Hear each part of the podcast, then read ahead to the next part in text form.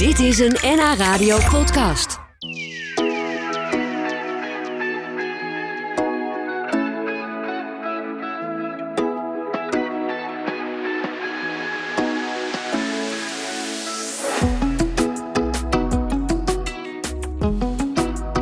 We gaan eh, straks het heftige levensverhaal horen van de Haarlemse Stephanie Joy Eerhart. Ze werd op haar veertiende uit huis geplaatst, raakte uiteindelijk verslaafd aan harddrugs en leefde als tiener een tijd lang op straat. Gelukkig kwam het uiteindelijk allemaal goed en werd ze zelf hulpverlener bij het leger des Heils. Dat is een, eh, een mooi einde van dit verhaal. Maar ze heeft eh, eerder al twee boeken geschreven over die hele moeilijke tijd in haar leven. En die twee boeken die zijn nu samen gebundeld in een boek dat heet Papa's kleine meid slaapt niet meer op straat. Nou, dat woord niet geeft al aan dat het nu gelukkig goed gaat. Welkom, Stephanie. Dankjewel voor de uitnodiging. Je, je beschrijft in het boek, daar zullen we het zo uitgebreid over hebben hoor, dat je als kind op een bijzondere school zat, omdat je uh, slechthorend was of bent eigenlijk toch? Hoe, hoe, slecht is jouw gehoor? Kun je mij goed verstaan? Nou, ik ben heel erg afhankelijk van je aan kunnen kijken. Ik uh, draag een gehoorapparaat. En uh, je kan wel zeggen dat ik zwaar slechthorend ben. Dat hoor je waarschijnlijk ook wel aan mijn stem. Dat ik net ietsje anders uh, praat dan een gemiddelde bezoeker hier, denk ik. Ja, ja, ja. Maar over het algemeen kun je in de communicatie met mensen, vooral als je ze kunt zien, kun je dat ja. wel goed volgen allemaal. Zeker. Oké, okay, nou goed. We gaan uh, straks uitgebreid met jou praten over jouw indrukwekkende en aangrijpende boek.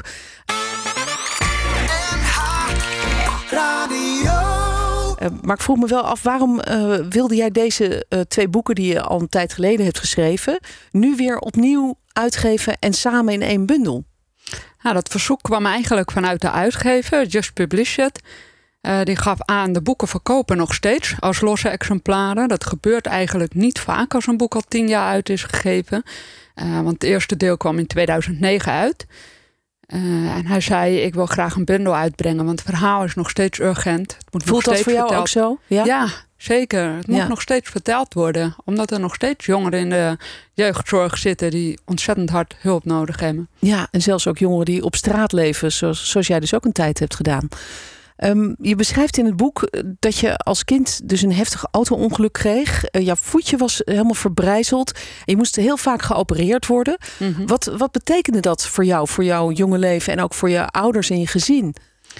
Um, wat dat voor mij betekende als kind was het vooral het laten zien van... goh, ik kan dit, ik kan weer straks zonder gips, zonder krukken, zonder rollator...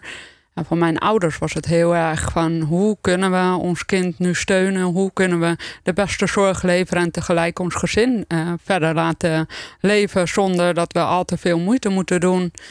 Uh, ja. Ja, hoe, hoe heeft die handicap, want die voet is nooit meer helemaal goed gekomen, toch? Het is, uh, een het is wel acceptabel resultaat in ja. artsentermen. ik draag orthopedische schoenen. Um, en heb nog regelmatig pijn, maar het is draagbaar. Ja, ja. En mijn ja. been zit er nog aan, ik kan lopen. Ja, dat is het belangrijkste. Want even leek het er ook op dat dat, dat niet zou gaan lukken, toch? Ja, en, en vrij snel na het ongeluk al was dat uh, de vraag die voor de arts en mijn ouders toen speelde. Van waarschijnlijk wordt het een onderbeenamputatie. Ja, dat is gelukkig niet gebeurd. Dus wat dat betreft het leek het eigenlijk een beetje de goede kant op te gaan. Maar in je puberteit kreeg je het heel moeilijk. Je werd onhandelbaar, beschrijf je in het boek. Je bent uit huis geplaatst. Dat beschrijf je ook op een heel aangrijpende manier. Dat moment dat dat gebeurde, dat je ouders echt weggingen en jou daar achter lieten.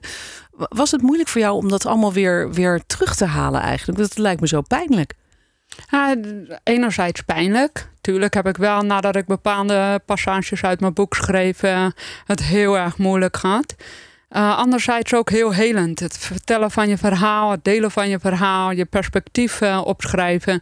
Dat heeft ook zeker helend gewerkt. Ja, je werd uit huis geplaatst. Um, je begon eigenlijk vrij snel ook toen te blowen. Toen was je 14, hè? Ja, 16, 17. 16, 17. Ja. En, en, later kwam daar ook nog de harddrugs bij. Ja. Uh, cocaïne, speed. Wat deed dat drugsgebruik met jou? Het maakte me gevoelloos. Het was een verdoving uh, voor de gevoelens die ik niet meer wist te handelen. Je had het nodig eigenlijk voor je gevoel. Een soort vlucht.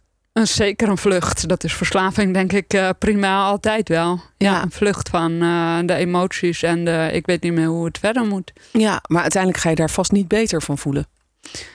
Daar kom je pas vrij laat achter. Ja. Ja, en, en het kost veel geld. Hoe kwam jij aan geld? Want je, je was nog zo jong, je leefde op straat. Ja, je uh, hebt een gunfactor. Als je als jonge vrouw op straat staat, dan merk je toch wel uh, dat mensen snel genegen zijn als je bedelt of uh, zegt van joh, kun je vijf euro missen om je een soort van te helpen. En wij hadden ook wel een cultuur onder de mensen die samenleefden op de straat van goh, maandag komt die uitkering, woensdag komt die uitkering, mag ik wat van je lenen of gaan we samen naar de koffieshop? Ja. Ja, maar je hebt dus ook staan bedelen. Wat zeg je? Maar je hebt dus ook gebedeld op straat. Ja. Ja, in parken. Hoe, hoe was dat als, als je daar staat als jong meisje? Ja, je vraagt meneer, mevrouw, kunt u 2 euro missen? En uh, uh, dat doe je dan meestal met een vriendinnetje. En je ziet van veraf al of iemand uh, geld aan je gaat geven. Oh ja, waar ja, zie je, je dat aan? een soort van inscannen, dat is heel gek. Ja? En sommige mensen vroegen dan ook, wat ga je ermee doen? En dan zei ik, nou, naar de koffieshop. Nou, het is dat je zo eerlijk bent dat we het je geven. Maar oh ja. ja. Ja, en waren er ook mensen die zeiden van joh, ga, ga, ga naar school, ga, ga een baan zoeken? Nee, niet zo confronterend. Ik denk dat mensen dat ook niet durven. Je weet ook nooit waarom iemand uh, nee. om 2 euro vraagt natuurlijk. Het was ook altijd een kletsverhaal van ik moet naar, naar huis bellen of zo. Ja, Toen ja. kon dat nog. Ja, precies ja. ja maar het is natuurlijk wel heel heftig als je bedenkt dat jij er als jong meisje stond te bedelen. Uh, je had nog wel contact met je ouders, maar je leefde dus niet meer bij hun. Maar je leefde op een gegeven moment ook zelfs echt op straat. Ja. Je zat niet meer in de, in de opvang. Je was Nee. uit huis geplaatst, maar daar zat je niet meer. Uh, hoe, hoe, hoe is dat geweest voor jou? Dat lijkt me ook wel eng en zwaar. Maar hoe, hoe, hoe heb jij dat ervaren, die periode? Standje overleven ga je als je als jongere naar een uitje uh, tehuizen gezet wordt. Want ik ben op een gegeven moment uit zo'n tehuis gezet omdat ik harddrugs gebruikte. En ze hebben natuurlijk ook een plicht naar andere jongeren van... goh, uh, dit kan niet samen op één locatie. Uh, en dan denk je, ik ga een standje overleven. Je treft lotgenoten, je gaat samen optrekken. En dan denk je, verstand op nul. En ja. Ja, maar waar sliep je bijvoorbeeld? Nou, dat was afwisselend. Vaak in de opvang, in de dag- en nachtopvang. Van het leger des Huis bijvoorbeeld. Maar toen ik nog jonger was, in Spaarnezicht in Haarlem. Voor dak- en thuisloze jongeren. Maar ook wel op een voetbalveldje. In zo'n uh, abri-huisje. Of uh, in een speeltuintje. In je eentje? Of, nee, of dan met een samen. groepje? Nooit in mijn eentje. Nee, dat zou okay. ik ook niet gedurfd hebben. Nee, nee, Nee. want het, het, het kan best wel eng zijn s'nachts, toch? Ja, ik was bang uh, dat, dat er dan iemand op mijn voet ging staan. Of uh, dat ik iemand niet zou aanhoren komen. Ik was niet bang voor de dingen waar mijn moeder bang voor was. Zoals ze het achteraf hoort. Maar wel van, uh, goh, ja, dan liever samen. Ja. Ja.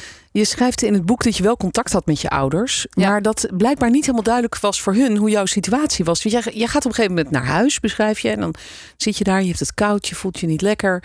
En je vraagt, mam, mag ik niet even douchen? En dan zegt je moeder, nou, dat komt nou even niet goed uit. Ga het maar thuis doen. Ja. Zij, zij, wist blijkbaar niet dat je geen thuis had. Ja, er waren hele periodes dat ik op de groepen woonde. En mijn ouders ook in de veronderstelling waren van... goh, je woont daar. En dan was het bijvoorbeeld een opvang waar ik al niet meer kwam. Dus dat is wel een gekke periode geweest... dat, uh, dat zij echt in de veronderstelling waren... jij ontvangt de juiste hulp die je nodig hebt. Ja, en intussen sliep je in een parkje om de hoek. Nou, bij wijze van. ja. ja ongelooflijk heftig. In het boek staan ook foto's uit die periode. Eigenlijk, zelfs als je het boek nog niet gelezen hebt, dan kun je die, die hele serie foto's lezen als een boek. Hoe je van klein meisje af ja. uh, eigenlijk een, een, puber werd en een opstandige puber ja. en uh, een, een drugsverslaafde puber. Ja. Uh, op een gegeven moment er is één foto in het boek. Ja, ik weet niet hoe jij die, die zelf ziet. Als je heel erg mager bent, heel erg afgevallen. Ja. Je hebt anorexia verslaafd. Uh, je, je, je woog toen 38 kilo. Ja. Dat is helemaal niks. Nee, dat klopt. Ik leefde in een soort hulpverlening voor mijn verslaving. Kon niet omdat ik anorexia had. En hulpverlening voor anorexia kon niet omdat ik verslaafd was. Ja. En beide hulpverleningsinstanties wezen naar elkaar van dit probleem staat ja. op de voorgrond en moet eerst opgelost worden. Ja, je moet eerst afkicken, dan help je met de anorexia. Nee, je moet eerst van je anorexia mm -hmm. af, dan help je ja. met de. Ja, ja. Een, een hopeloze cirkel lijkt het, maar je bent eruit gekomen. Nou, zeker. Ja, Stephanie, we hoorden net uh, dat je uiteindelijk nog maar 38 kilo woog. Je was eigenlijk gewoon een soort wandelend skelet. Helemaal uitgehongerd, zwaar verslaafd. Hoe ben je daar uitgekomen? Nou, het zijn eigenlijk twee verhalen. Want uh, het allereerste verhaal start op mijn negentiende. Wanneer er uh, een paar mannen de dagopvang in komen lopen van het legershuis. En zeggen, joh, we hebben een warme maaltijd, ga je met ons mee? Dat bleek een christelijk therapeutisch afkikcentrum. Het heeft een tijdje geduurd voordat ik mij daar ook heb laten opnemen. En daar vond ik een stukje geloof. En later, na deze foto die jij net benoemt, kijk ik in de uh, begeleid wonenopvang van het leger des Heils kijk ik een uitzending van Oprah Winfrey. Die uitlegt dat je hersenen volgroeien tot je 24ste. En toen dacht ik dat betekent dat ze volgroeien onder opiaat. In Ah. mijn geval. Ja, dat was een soort eye-opener van... hey, ik het kan misschien- nu of nooit. Ja, het wordt nu echt nu of doen. nooit. Ja. Ja. Toen ben je gaan afkicken. Dat is natuurlijk al niet makkelijk. Daarover ging jouw eerste boek. Ja. Over die hele eerste periode. Eh, maar als je eenmaal bent afgekikt, dan ben je er nog niet meteen. Dan begint het pas. Ja, want daar gaat je tweede deel Ja. van je boek eigenlijk over. Wat was daar dan zo zwaar aan? Want ik zou denken, je hebt het ergste gehad. Je leeft Nee. niet meer op straat. Je bent niet meer verslaafd. Nee, dan komt pas de confrontatie met alles wat je al die jaren hebt kunnen verdoven. En dat kan nu niet meer. En de enige manier om ermee om te gaan die je kent, is verdoven. Ja, ja. En dan moet je leren, oké, hoe doen gewone mensen dit dan? Hoe, hoe ga je door deze pijn en verdriet heen? Dat is een heel moeilijk en eh, zwaar proces ook. Ja, dat heb je ook doorgemaakt. En je hebt er dus over geschreven. Eh, het is een, eh, nu die twee boeken samen zijn, een heel dik boek geworden. kan ik vertellen. Maar je leest het in één ruk door uit eigenlijk. Omdat het, eh, denk ik, voor veel mensen die niet in de situatie hebben gezeten... toch ook een eh, inzicht geeft in, in hoe, hoe zwaar dat, dat moet zijn. En jij werkt zelf tegenwoordig ook bij het Leger des Heils. Ja. Eh, hoe, hoe is dat? Kom je daar nog wel eens mensen van vroeger tegen eigenlijk? Waar je in der tijd mee op straat hebt gezworven? Nee, ik ben gaan werken in Amsterdam, bewust omdat er nog mensen in het circuit leefden in Haarlem, waar ik zelf in de opvang zat. Eh, ik ben wel een keer iemand tegengekomen met wie ik in het Christelijk Therapeutisch Centrum heb gewoond. 15 jaar later. En hij stond daar heroïneverslaafd tegenover mij eh, als hulpverlener toen. En toen dacht ik wel, 15 jaar later, kijk hoe onze levens zijn gelopen. Ja. Ja, dat was wel heel confronterend voor ons beiden. Het was voor hem ook heel moeilijk. Ja, kan ik me voorstellen. Ja. En, en hoe is het voor jou om eh, nu ook in de dagelijkse praktijk mensen tegen te komen die in de situatie zitten waar jij ooit in zat? Eh, Ik kom ze steeds minder tegen, omdat ik nu binnen het management werkzaam ben. Maar daarnaast ben ik leidinggevende van een abstinent wonen. eh, vorm. Dat is relatief nieuw. Abstinent wonen? Ja, da- het klinkt ook een beetje vreemd. Hier mogen cliënten, wij noemen ze deelnemers bij het leger des Heils, eh, alleen wonen als ze geen middelen gebruiken. Dus Ah, ze ja. gaan door net zo'n zwaar proces als ik destijds, krijgen hulp om vol te houden, hun leven weer op de rit te zetten. En daar eh, een stukje beleid neer te mogen zetten, vind ik heel erg mooi om te doen. Ja, en tegelijkertijd ben jij misschien ook een soort, heb jij een soort voorbeeldfunctie voor veel mensen daar? En ze horen ook eh, van mijn boek, of ze lezen hem, of ze krijgen hem van mij. En dan zeggen ze ook, jij weet, jij weet hoe het werkt. Ik krijg nooit naar mijn hoofd, jij weet niet hoe het is. Nee. nee, want je weet het precies. Ja. Ja, en je bent ook nog met een stichting begonnen. Heel kort nog even, want dat zei je net al heel kort aan het begin. Eh, Joy for Life. Eh, daarmee help je ook weer mensen. Wat, wat doe je daarmee? Ja, stichting eh, Life with Joy, dat zet zich eh, voornamelijk in op dit moment nog, omdat ik nog aan het studeren ben en mijn tijd moet verdelen, voor eh, minima rondom kerst. Dan maken we kerstpakketten voor minima gezinnen en dan boodschappen van de bovenste plank. Niet de goedkoopste, maar gewoon Ja. de merkdingen. Iets lekkers. Iets, Iets lekkers, iets luxes. Ja, mooi. Ja.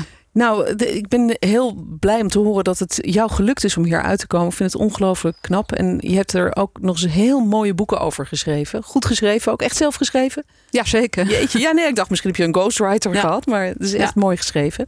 Dank dat je hier was en heel veel succes ook met je stichting livewithjoy.nl. Dat is de website die eh, zo'n beetje nu online gaat, hè? Voor Ja, zeker. Leuk. Papies kleine meid slaapt niet meer op straat. Geschreven door Stephanie Joy Earhart. Dank dat je er was. Dankjewel. Dit was een NH Radio podcast. Voor meer, ga naar nhradio.nl. Radio.